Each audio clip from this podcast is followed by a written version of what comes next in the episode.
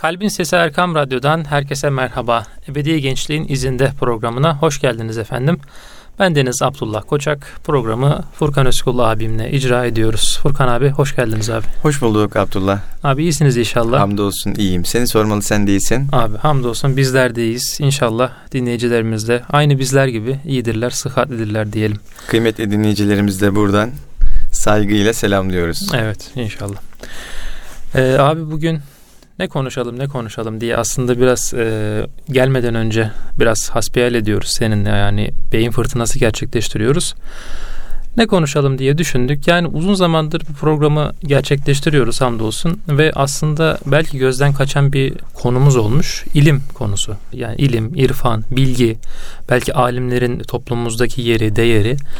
Yani bu konu aslında belki en başlarda konuşulması gereken bir konuymuş ama yani bizim tabii konularımız daha çok gençlikle alakalı olsun onlara böyle yardımcı olalım diye konuştuğumuz, hasbihal ettiğimiz konular oluyor.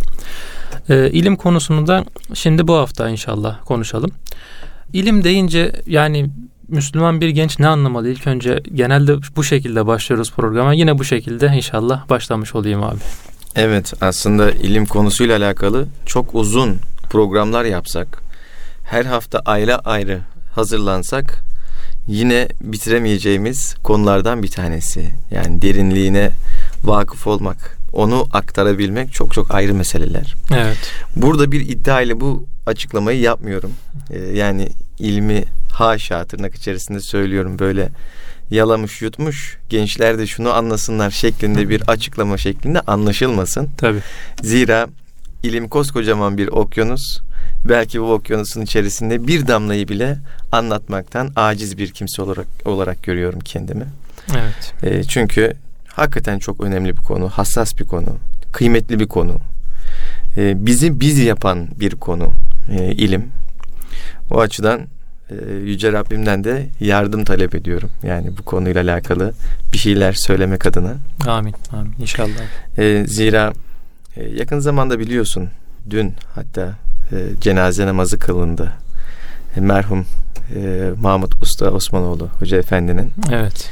Bu minvalde aslında ilim konusunu işlememiz de e, gerçekten çok böyle manidar oldu. Evet. Çünkü alimin ölümü, alemin ölümü gibidir buyuruluyor ya. Evet. E, bu söz uyarınca hakikaten çok kıymetli talebeler yetiştirmiş.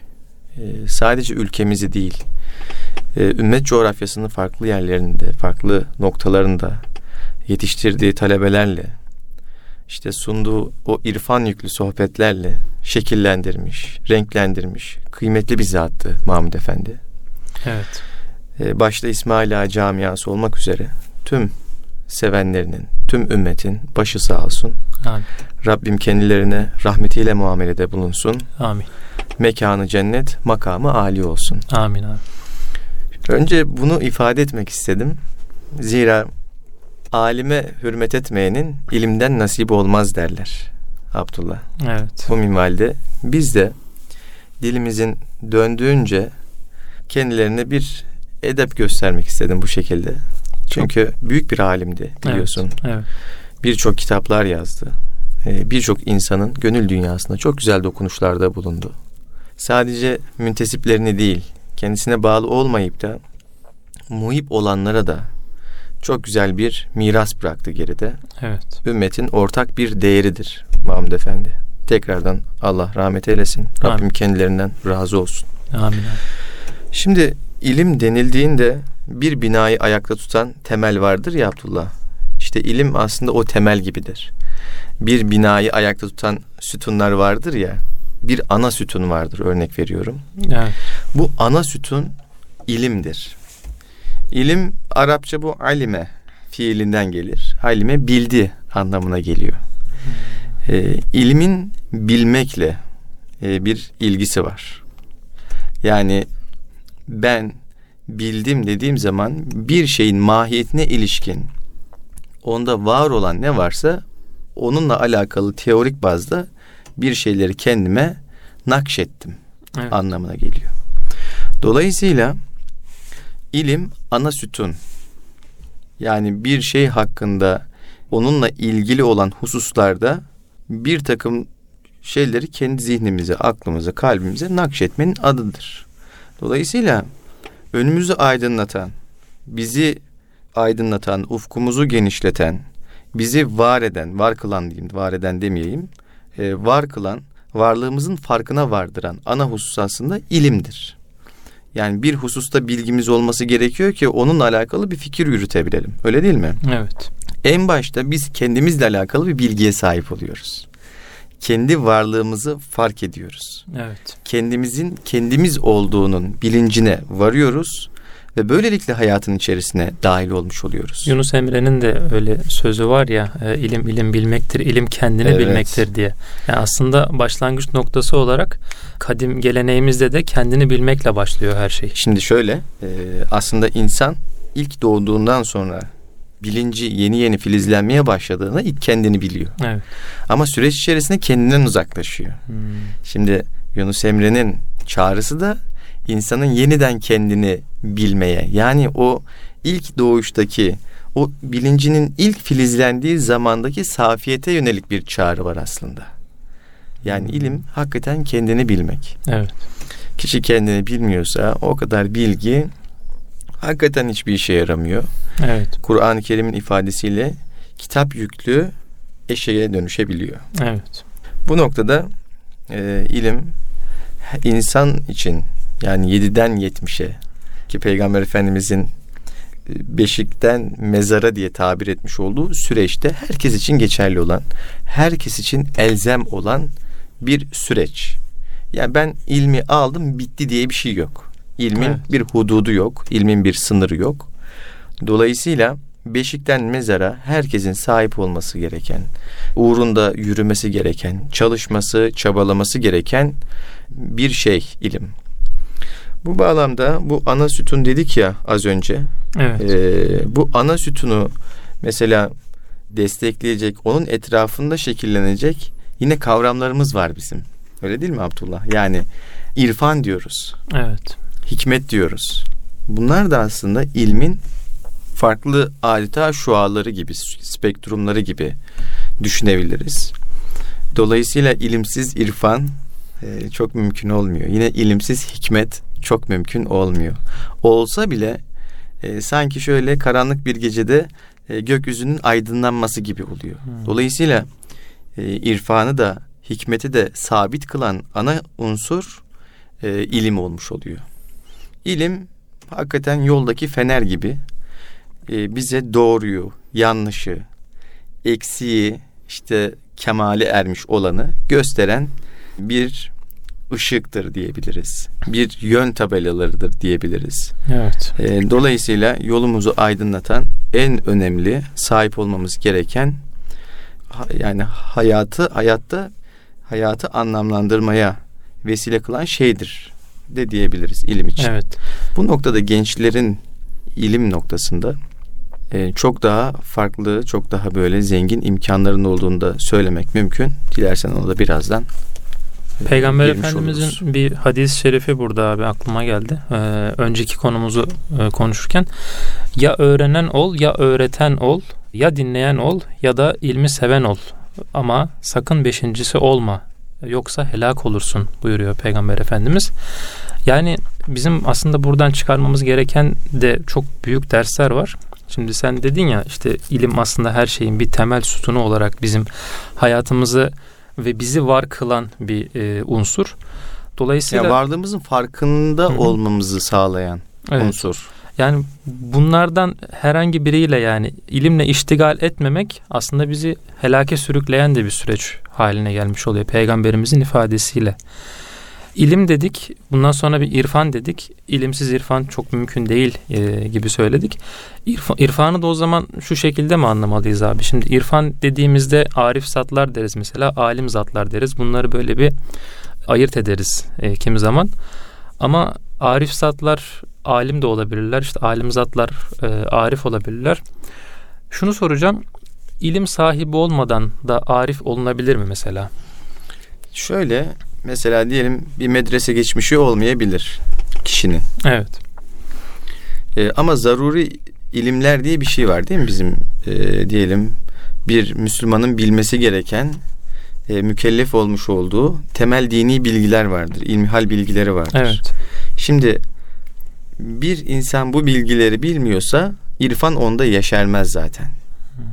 Yani nasıl namaz kılınacağını bilmiyorsa bir insan ve namazlarını doğru kılmıyorsa ya da namaz kılmıyorsa örnek veriyorum. Evet. İrfan onda şekillenmez.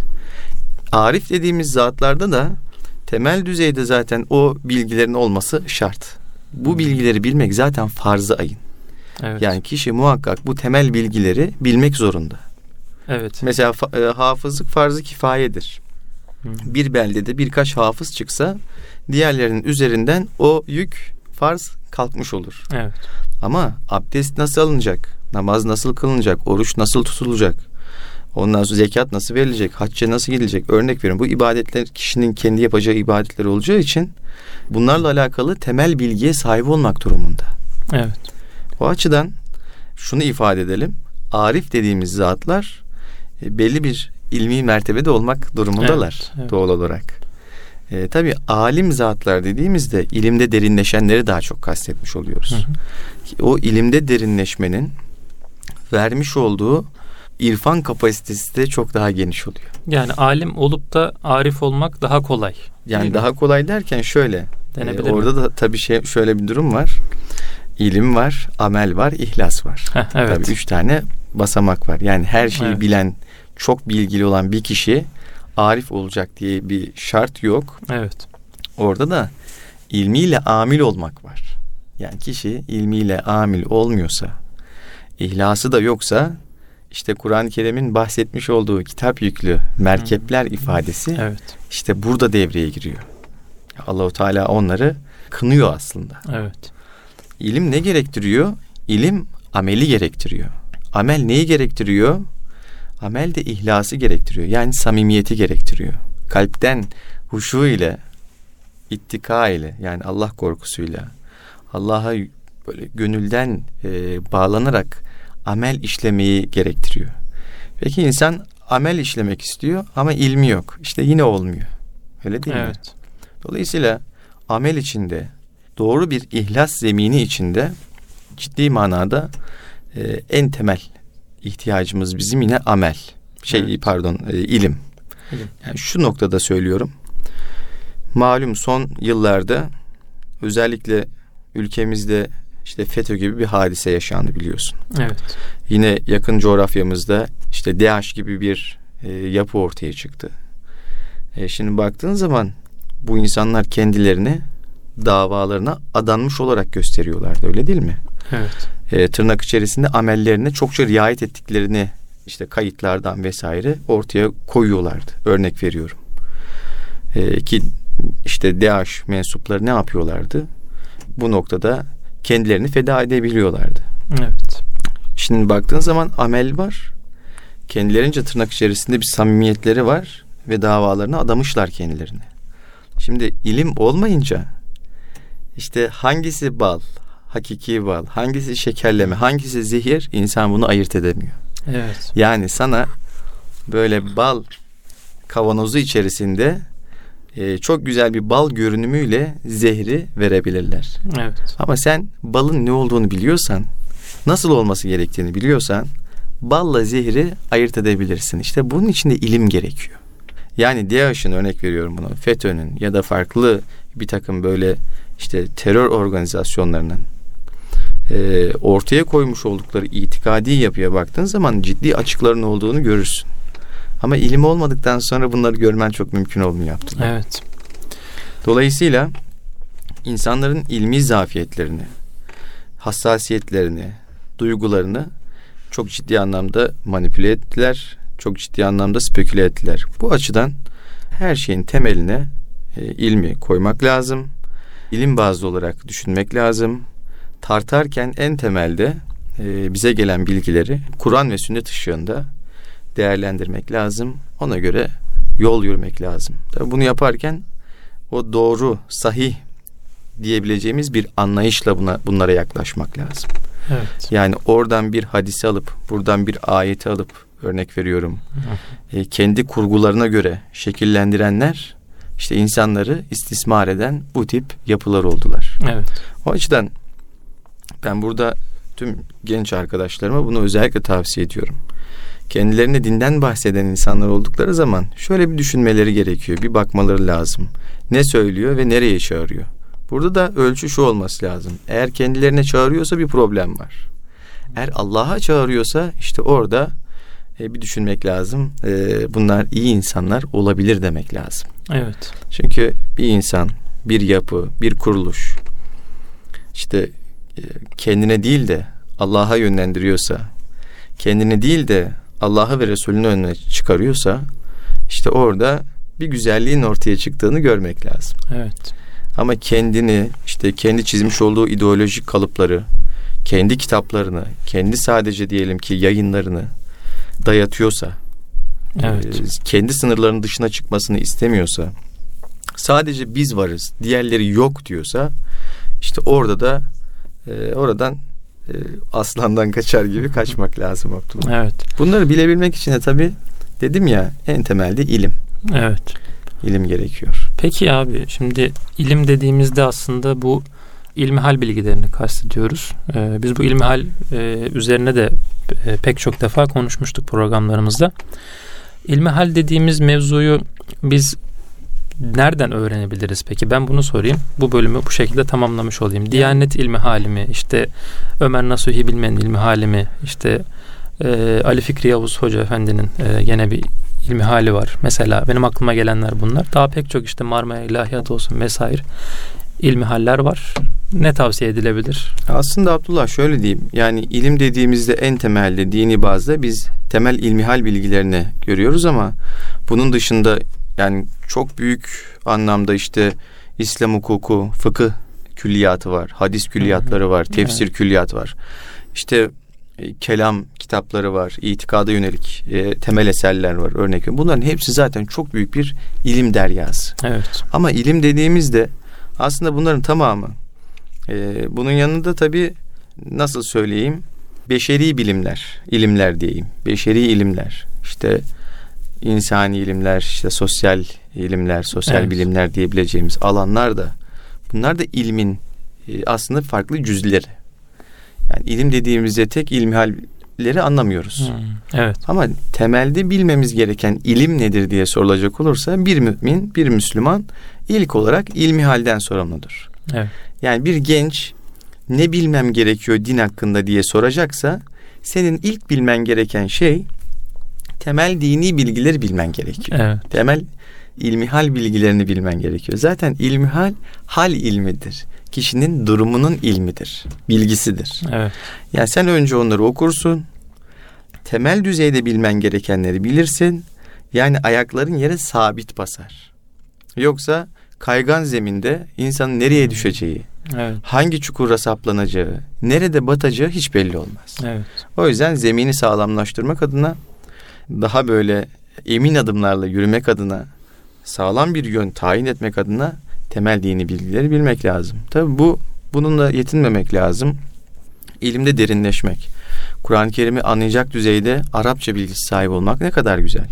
Hadisleri anlayacak düzeyde Arapça bilgisine sahip olmak ne kadar güzel. Evet. Kur'an-ı Kerim'i ezberlemek, manasına vakıf olmaya çalışmak, tefsirler okumak, yine aynı şekilde hadis külliyatlarından hadisler okumak, onların manalarını tefekkür etmek. Bununla birlikte diyelim fıkıhta derinleşmek, hadiste derinleşmek, tefsirde derinleşmek, farklı evet. ilim dallarında derinleşmek. Bunlar da kişiyi e, işte o irfan havzasını genişleten hususlar. Hmm. Yani sen ilimde derinleştikçe aslında irfan kabını da genişletmiş oluyorsun. Evet. Ve böylece o irfan kabına süzülecek olan e, o e, ilhamat daha da yükselmeye başlıyor. Evet. Alacağın feyizler daha da fazlalaşmaya başlıyor. Neticede bir şeyin hakikatine ilişkin fikir yürütebilmek için o konu hakkında bilgi sahibi olman lazım demiştik ya. Evet. İşte bilgin ne kadar artarsa tefekkür ufkun da artmış oluyor. O açıdan gençler için özellikle çünkü gençlik bir heyecan çağıdır, bir enerji çağıdır. E, ilmin böyle en güzel şekilde alınabileceği, en konforlu alınabileceği zaman dilimleri de aslında gençlik çağlarıdır. Hmm, evet. Çünkü sonraki zamanlarda işte iş yükü, ev yükü, aile yükü, işte hayatın getirmiş olduğu yükler insanı yavaş yavaş ilim mecraından uzaklaştırmaya başlayabilir. Evet. Her ne kadar uzaklaştırmasa da zihnini daha fazla meşgul eder hale getirebilir. O açıdan gençliğin böyle sorumlulukların, hayatın sorumluluklarının daha üstüne, tepene binmediği zamanlarda alabileceğini alması lazım gençliğin. Evet. Öğrenebileceği dilleri öğrensin. Bir evet. batı, bir doğu dili. Örnek veriyorum. Evet. Örneğin bir İngilizce, bir Arapça. Ee, mümkünse İngilizcenin yanına bir Fransızca konulabilir. Ee, diyelim Arapçanın yanına bir Farsça konulabilir. Bunlar da diyelim içinde bulunduğumuz dünyada önemli olan lisanlar. Evet. Ee, Arapça ilim dilidir, Farsça edebiyat dilidir. Evet. Bizim kendi geleneğimiz özelinde bakılacağı zaman. Yine İngilizce şu an bir dünya dili. Her tarafta her insanın konuştuğu bir dil. Yine Fransızca da e, yine bir kültür dilidir. Örnek evet, veriyorum. Evet. Dolayısıyla dil öğrenilmeli. Böyle yoğunlaşmak istediğimiz akademik bir alan varsa bununla alakalı okumalar yapmak. Bu illa dini bir ilim olacak diye bir şey yok. Diyelim mühendislikse bizim alanımız. Diyelim sosyoloji ise bizim alanımız. Ya da herhangi bir alansa bizim e, yöneldiğimiz, kalbimizin meylettiği, zihnimizin talep ettiği o bilgiler orada yoğunlaşmak, derinleşmek, oradan böyle kendimize paylar çıkartmak. Tabii bu payları sadece kendimize bırakmamak. Bunları yazarak, bunları evet. konuşarak, insanlara duyurarak da zekatını vermek gerekiyor. Gençlik bunun için en güzel devredir diyorum. Evet. Bu ufka sahip olmak için e, gençliğin enerjisini kullanmak lazım diyorum. Eyvallah abi. Burada kısa bir ara verelim inşallah. İkinci bölümde devam edelim. Erkam Radyo'nun kıymetli dinleyicileri Ebedi Gençliğin izinde programımız kısa bir aradan sonra devam edecek efendim. Huzur bulacağınız ve huzurla dinleyeceğiniz bir frekans. Erkam Radyo, Kalbin Sesi. Erkam Radyo'nun kıymetli dinleyicileri, Ebedi Gençliğin izinde programımız kaldığı yerden devam ediyor efendim. E, ilim meselesini konuşuyoruz. E, ilimle belki amel etmeyi konuşmaya çalıştık. İrfandan biraz bahsettik. Tabi temele koymamız gereken kavramın ilim olduğundan bahsettik. Şimdi abi ben şunu soracağım sana. E, aslında bu sık sorulan bir soru. Ben de bu soruyu sana yönelteceğim. İlim dediğimizde biz ilk bölümde de hep bu yönünden konuştuk. Okumakla e, ve işte belki okulla, kimi çevreler medreseyle ilişkilendiriyor ama ilim sadece okuyarak mı olur? E, böyle dinleyerek, işte sohbetlerde bulunarak vesaire böyle kişiden kişiye bir hal aktarımıyla da bir ilim olur mu? Ben sana bunu soracağım. Elbette Abdullah. Yani burada e, ilim çok boyutlu bir şey. Özünde ikiye ayrılır e, kesbi ilim, vehbi ilim diye. E, evet. Biz daha çok böyle kıraattır yani okumadır diyelim sema, dinleme üzerine yapılan şeklini biliriz. Hem okuyarak hem dinleyerek bir hoca vasıtasıyla alınan bir ilim vardır. Bir de vehbi ilim vardır. Yani Allah'ın kişiye ilham etmiş olduğu hmm. ilimdir o da. O işin farklı bir boyutu. Evet. Böyle adeta zip dosyasında insana verilen bir şeydir. O ilim diyelim rüya da olur. Örnek veriyorum işte Allah'ın ilhamıyla olur. O farklı bir boyut. Ama evet. biz daha çok işin kesbi boyutuna yoğunlaşıyoruz. Yani biz zahiri boyutuyla e, varsa bir kitabımız, varsa bir diyelim ki dergimiz ya da herhangi bir şey yapmamız gerekiyorsa bunları yaparız ve bilgiyi buradan alırız.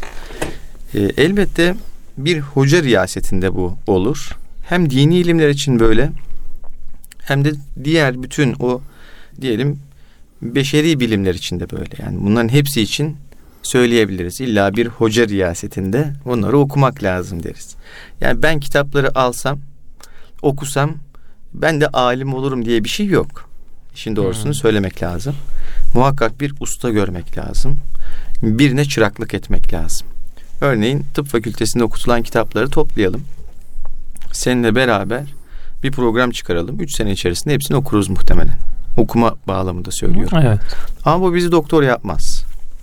Ya da diyelim mühendislik kitaplarını okusak evet matematiğimizi geliştirir. Evet birçok konuda aslında bilgi sahibi yapar bizi ama bizi bir mühendis yapmaz. Çünkü işin pratiğe e, bağlı olan hususlarında hep eksiğimiz kalacaktır. Onu neyle çözeceksin? İşte o hal aktarımı dediğim mesele. Aslında bir ustayı izlerken o ustanın e, dokunuşlarını e, takip ederken o hal aktarımı gerçekleşmiş oluyor. Evet. Mesela çok büyük ustaların çırakları hemen belli eder kendilerini. Hmm, evet. Bu falan kişinin çırağıydı, talebesiydi. Hakikaten konuşmasından bile belli oluyor Tabii. bazen insan. Belli olur. Niçin? Yaptığı işin kalitesinden belli olur. Evet. Ee, o açıdan hal aktarımıyla da ilim, ilimdeki tavır daha doğrusu e, muhakkak yansır. E, oradan da bir şeyler öğrenmek, e, daha doğrusu bir şeyi nasıl öğreneceğini öğrenmek mümkün hale geliyor. Aslında ilim çok boyutlu bir şey. Dedik ya programlar yapsak bu konuyla alakalı aslında e, ne kadar ne anlatabiliriz bilmiyorum. Ama Evet. Peygamber Efendimiz Aleyhisselatü Vesselam'ın hadisiyle aslında e, o bütün her şeyi özetliyor. E, men arafe nefse fakat arafe rabbe. Hmm, evet. Kim kendini bilirse Rabbini bilir. Aslında bütün ilimler kişinin kendisine yönelik bir keşif faaliyetidir Abdullah. Evet. Yani kişinin kendine yönelik bir keşif faaliyetidir. Matematik mi okuyorsun? Aslında kendini keşfediyorsun. Çünkü senin içerisinde bir kainat gizli. Sen kainatı keşfederken kendini keşfetmiş oluyorsun. Fizik mi okuyorsun? Evet. Kainatın kurallarını sana anlatan fiziktir. Fizik öğrenirken de aslında kendinden bir şeyler öğrenmiş oluyorsun. İslami ilimler okuyabilirsin. Evet, İslami ilimler senin e, değişmemiş fıtratının ilmidir aslında. Sen Evet. İslami ilimlerle değişmemiş fıtratına, özüne yönelik bir yolculuk yapıyorsun. Yine kendini keşfediyorsun. Öğrendiğimiz her şeyde aslında kendimize yönelik bir tanıma faaliyetinin içerisinde oluyoruz. Kişi kendini bildikçe Rabbini de bilmiş oluyor. Kendini bilmeyen hiçbir şeyi bilmiyor Abdullah. Bunu da çok açık, net ve iddialı bir Evet. şekilde söylüyorum. Kendini bilmediğin zaman sanki her şey sendenmiş gibi bir his oluşuyor. Cahil cesur olur derler ya. Cahil hiçbir şeyi bilmiyor. Bildiği şeyler sayılı. Sayılı olduğu için Hmm, yani şöyle bir bakıyor. Ben bunu biliyorum, bunu biliyorum, bunu biliyorum diye sayabiliyor. evet. Ve o az bilgisi üzerine çıkarak sanki tüm dünyayı ayaklarına almış, altına almış gibi hissediyor. Tüm dünyayı yukarıdan bakıyormuş gibi hissediyor. Halbuki alim bir meselede o kadar çok derinleşiyor ki ondaki mükemmellikleri fark edince kendi nazarının, kendi bakışının Evet. ne kadar aciz olduğunu görüyor. Ne kadar az şey biliyormuşum. Ne kadar az şey bildiğini görüyor. Evet. Düşünsene ufacık bir su damlasında bile ne büyük mucizeleri keşfettiğinde düşünsene bu ummanda neler vardır neler diyor. Evet. Ve acziyetini fark ediyor. Ee, yaratıcısına mutlak manada işte ilim olması işte ilim olması dolayısıyla aslında o mahfiyet duygusu ortaya çıkıyor. O Allah'a karşı huşu duygusu ortaya çıkıyor. Düşün bir damladaki mucizelerin bir kısmını öğrendiğinde hayrete ve hatta dehşete kapılan bir insan düşünsene diyor bir okyanus var. Bu okyanusta kim bilir ne muhteşemlikler var, ne mükemmellikler var diyor. Evet. Böyle bir Rabbin huzurunda e, saygıyla secde edilir diyor. Anlatabiliyor evet. muyum? Evet. Ama ilim olmadığı zaman bir damla su da onun için bir, bir okyanus da onun için bir. Hiç farkı yok. Yani bilmediği için okyanus diye bir tasvir yok zihninde. Cahil olan kimsenin. Evet. Öyle olunca onun hayret dünyasına, e, onun hikmet dünyasına diyeyim, onun irfan dünyasında hiçbir aksi olmuyor. Dolayısıyla aslında irfan dünyası da olmuyor, hikmet Hmm. dünyası da olmuyor, Evet. hiçbir dünyası olmuyor. O açıdan her şey ilimle başlıyor Abdullah. Her şey ilimle başlıyor. Genç arkadaşlarımız özellikle 20 ile 30 arasında tam böyle e, şey mevsimidir o. Heybeye bir şeyler katma mevsimidir. Heybelerine ne kattılarsa ondan sonraki süreç ona göre şekillenecek. Evet. Dedim ya 30'dan sonra artık hayatın farklı meşguliyetleri onları sarmış olacak. Dolayısıyla o meşguliyetler henüz sarmadan ya da daha az düzeydeyken heybelerine ne katabiliyorlarsa katsınlar. Üniversiteyle e, yetinmesinler. Evet. Farklı okuma e, diyelim okuma ne derler ona gruplarına dahil olsunlar. Evet. Farklı yerlerde seminerlere gitsinler, sempozyumları takip etsinler, çalıştaylara gitsinler. Bir alimin dizinin dibine gitsinler, bir şeyler okusunlar. e, merak ettikleri hususlarda kendilerini derinleştirme gayretleri olsun.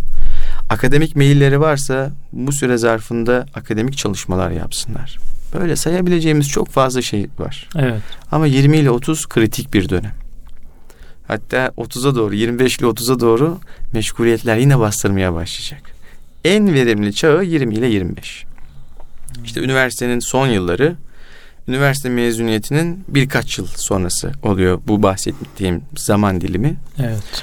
Dolayısıyla bu zaman diliminde elde etmiş olduğu bilgiyle, fikirle, ufukla bir dünyasını kuracak gençler bunun farkına varması lazım. Evet. Çünkü hayat içerisinde yani gündelik hayat içerisinde e, insan bunu çok fark edemeyebiliyor. Günler nasıl olsa hızlı bir şekilde geçiyor. Okul nasıl olsa bitiyor. Sınavlar nasıl olsa geçiliyor. Evet. E, do- dolayısıyla bir konfor alanı da oluşmuş oluyor genç arkadaşlarımız için. O konfor alanına teslim olmayıp biraz daha cesur olurlarsa, biraz daha farklı noktalarda atılım gerçekleştirebilirlerse bunun kaymağını bir ömür boyu yerler. Hem bu dünyada hem ahirette yerler. Evet diyorum. abi. Şunu sorayım abi o zaman konfor alanı dedin. Buradan farklı bir noktaya geçiş yapalım. Konfor alanı deyince aslında bu sadece ilimsizlik değil, ilmin de bir konfor alanı oluyor.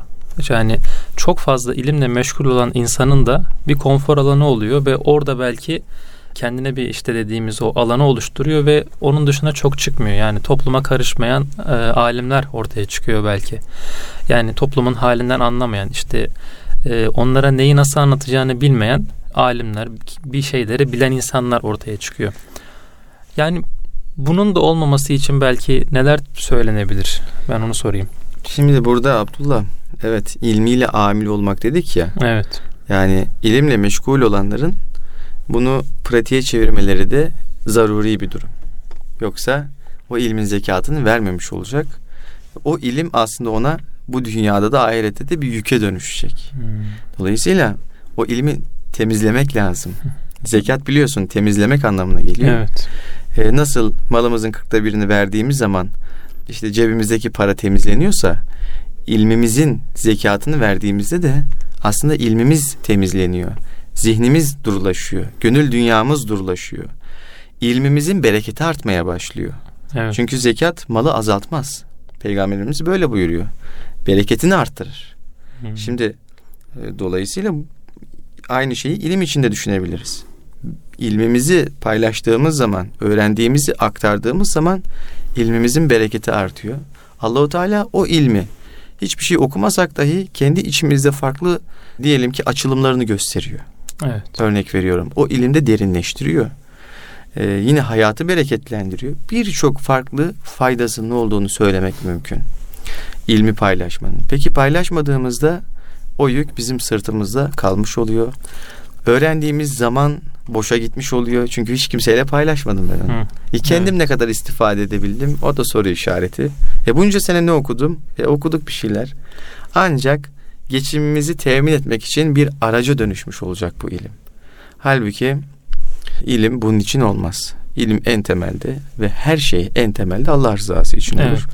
İlmin de Allah rızasına en uygun olan kısmı Allah için öğrenmek ve Allah için öğretmektir. Peki abi alimin işte toplumla işi dışlı olması meselesi aslında burada ben biraz onu sormak istedim. Yani diyelim ki işte medreseye kapanmış bir alim işte e, akademiye kapanmış bir profesör toplumdan bir haber bir şekilde ilmiyle sürekli meşgul oluyor.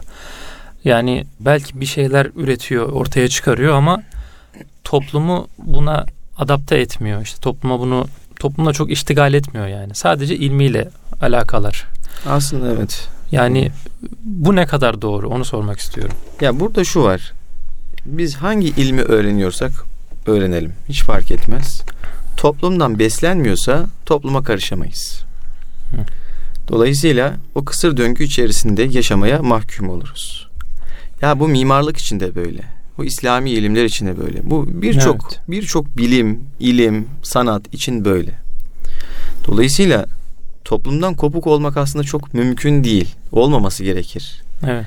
Çünkü ben yapmış olduğum akademik çalışmaları, ilmi çalışmaları e, topluma bakarak aslında çıkartmış oluyorum. Şu alanda bir çalışma yok. Bu alanla alakalı çalışma yapmam gerekiyor anlayışıyla yapmış oluyorum. Şayet böyle yapmazsak ne olur? E, işte kendi o fil dişi kuleler olarak nitelendiren evet. alanımıza hapsolmuş oluruz. Evet. Bizi kimse anlamaz. Biz de kimseye inmeyiz. Dolayısıyla böyle kapalı devre bir sistemde hayatiyetimizi sürdürmüş oluruz. Evet. Topluma olan sorumluluğumuzu yani topluma bir sorumluluğum var benim. Bu toplumun vergileriyle ben e, okul okudum. Diyelim ki bu toplumun vergileriyle maaşımı aldım. Dolayısıyla benim bu topluma sunmam gereken bir hizmet var. Bana bunun için maaş veriliyor. Anlayışıyla en temel düzeyde olaya bakmak lazım. Bu maaşın bir sorumluluğu var demek lazım. Evet. Ve topluma karışmak lazım. Bildiklerimizi topluma aktarmamız lazım. Bu aktardığımız bilgileri e, en güzel şekilde aktarmak lazım. Toplumun istifadesine sunmamız lazım. Çok böyle nasıl söyleyeyim komplike bilgiler vardır diyelim akademide ya da ilim dünyasında öyle değil mi? Evet. Bu insanlar o kadar komplike bilgileri almalarına gerek yok. Öz olarak ne çıkarttım ben? Öz olarak ne çıkarttım? Evet.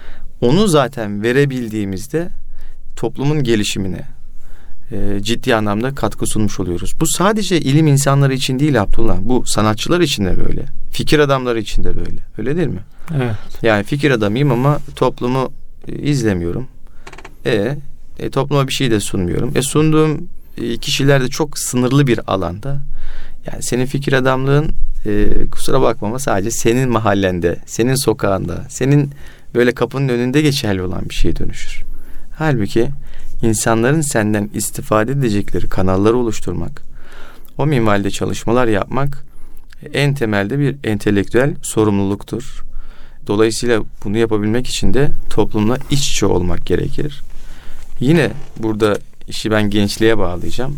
Gençlik ilmi en güzel alabileceğimiz çağ olmakla birlikte dikkatin en yoğun olduğu, dikkatin en böyle nasıl söyleyeyim kesif olduğu hani keskin olduğu zaman dilimidir. Hmm, evet.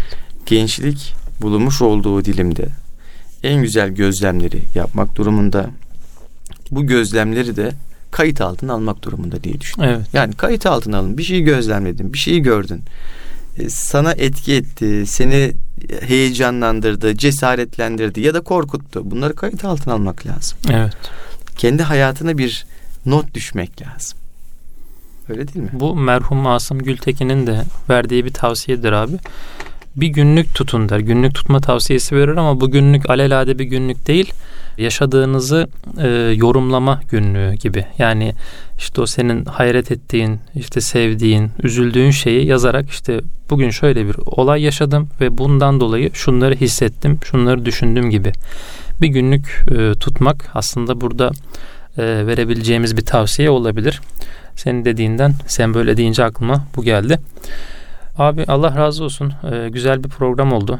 İlim konusunu konuştuk. İlim, irfan tabi hikmet boyutuna baktık. Alimlerden konuştuk. Aslında yani e, konuştuğumuz meseleler bir hasbihal boyutu var. Büyük e, çapta ama ya hakikaten aslında bir ders gibi bir program olduğunu ben düşünüyorum şahsi olarak. Teşekkür ederiz abi. Allah razı olsun. Burada inşallah e, sonlandıralım. Erkam Radyo'nun kıymetli dinleyicileri, Ebedi Gençliğin izinde programımız burada sona erdi. Haftaya görüşünceye dek sağlıcakla kalın. Allah'a emanet olun efendim.